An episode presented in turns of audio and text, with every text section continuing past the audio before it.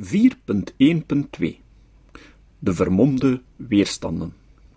Alvorens het argument te weerleggen en haar wijde verspreiding in de hedendaagse controversen aan te tonen, is het interessant om nader te onderzoeken wat Freud zelf precies bedoelt met de innerlijke, affectieve weerstanden van zijn critici.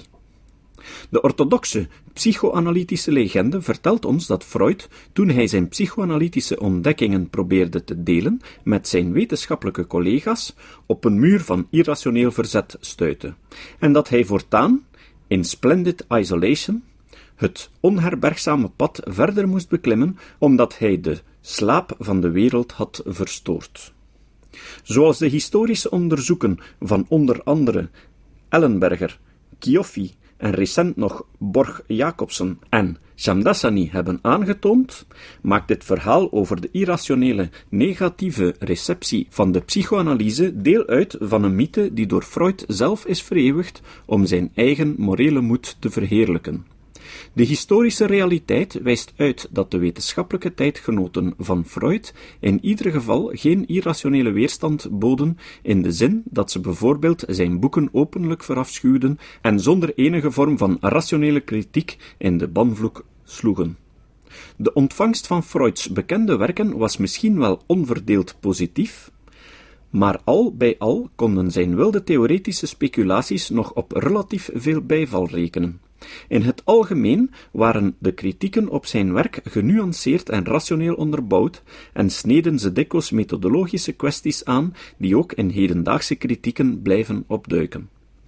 Enkel wie een boek als de Traumdeuten bij voorbaat als een geniale mijlpaal in de geschiedenis van de wetenschap beschouwt en retrospectief de toenmalige ontvangst van het boek in wetenschappelijke kringen onderzoekt, kan zichzelf overtuigen van de irrationele, negatieve perceptie die Freud zogezegd te beurt viel. Voor zo iemand is iedereen die niet meteen een knieval maakt voor het genie van Freud het slachtoffer van irrationele weerstand. In het licht van de genuanceerde en redelijke kritieken die Freuds tijdgenoten gaven, lijkt het dat zo'n vooringenomen Freudiaan het moeilijk zal krijgen om die laatste bewering hard te maken. Maar dat is buiten de merkwaardige conceptie gerekend die Freud zelf had van de irrationele weerstand tegen zijn zogenaamde diepe inzichten. In de ogen van Freud hoefde weerstand niet noodzakelijk bewust en emotioneel te zijn, zoals wanneer iemand vol afschuw het idee verwerpt dat mensen van prehistorische aapachtigen afstammen, zonder dat hij die verwerping redelijk kan beargumenteren en enkel omdat ze bijvoorbeeld niet strookt met zijn religieuze overtuigingen. In de psychoanalyse van Freud kon de weerstand evengoed onbewust blijven en buiten het medeweten van het slachtoffer om de gedaante van een ingenieuze intellectuele argumentatie aannemen. Resistance finds it easy to disguise itself as an intellectual rejection.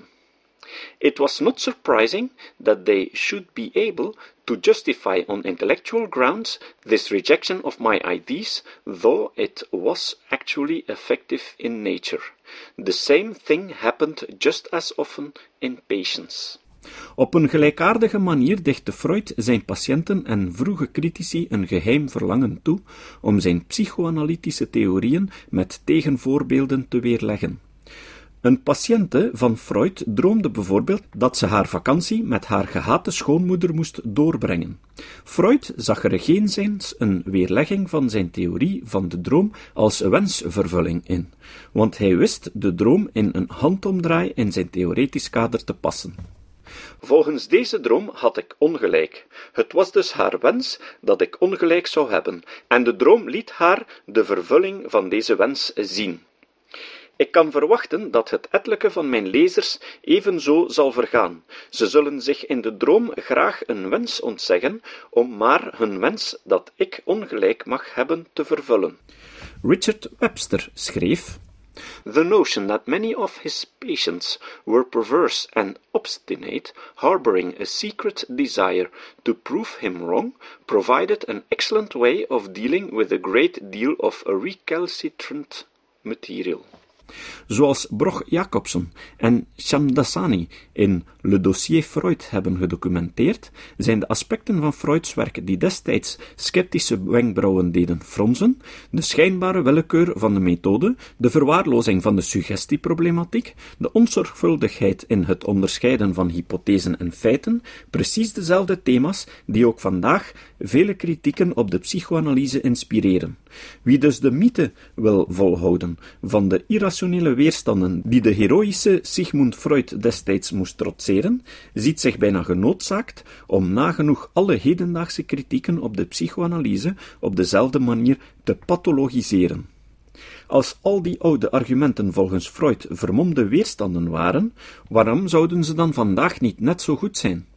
Welk argument tegen de psychoanalyse is eigenlijk niet potentieel een vorm van verdoken weerstand?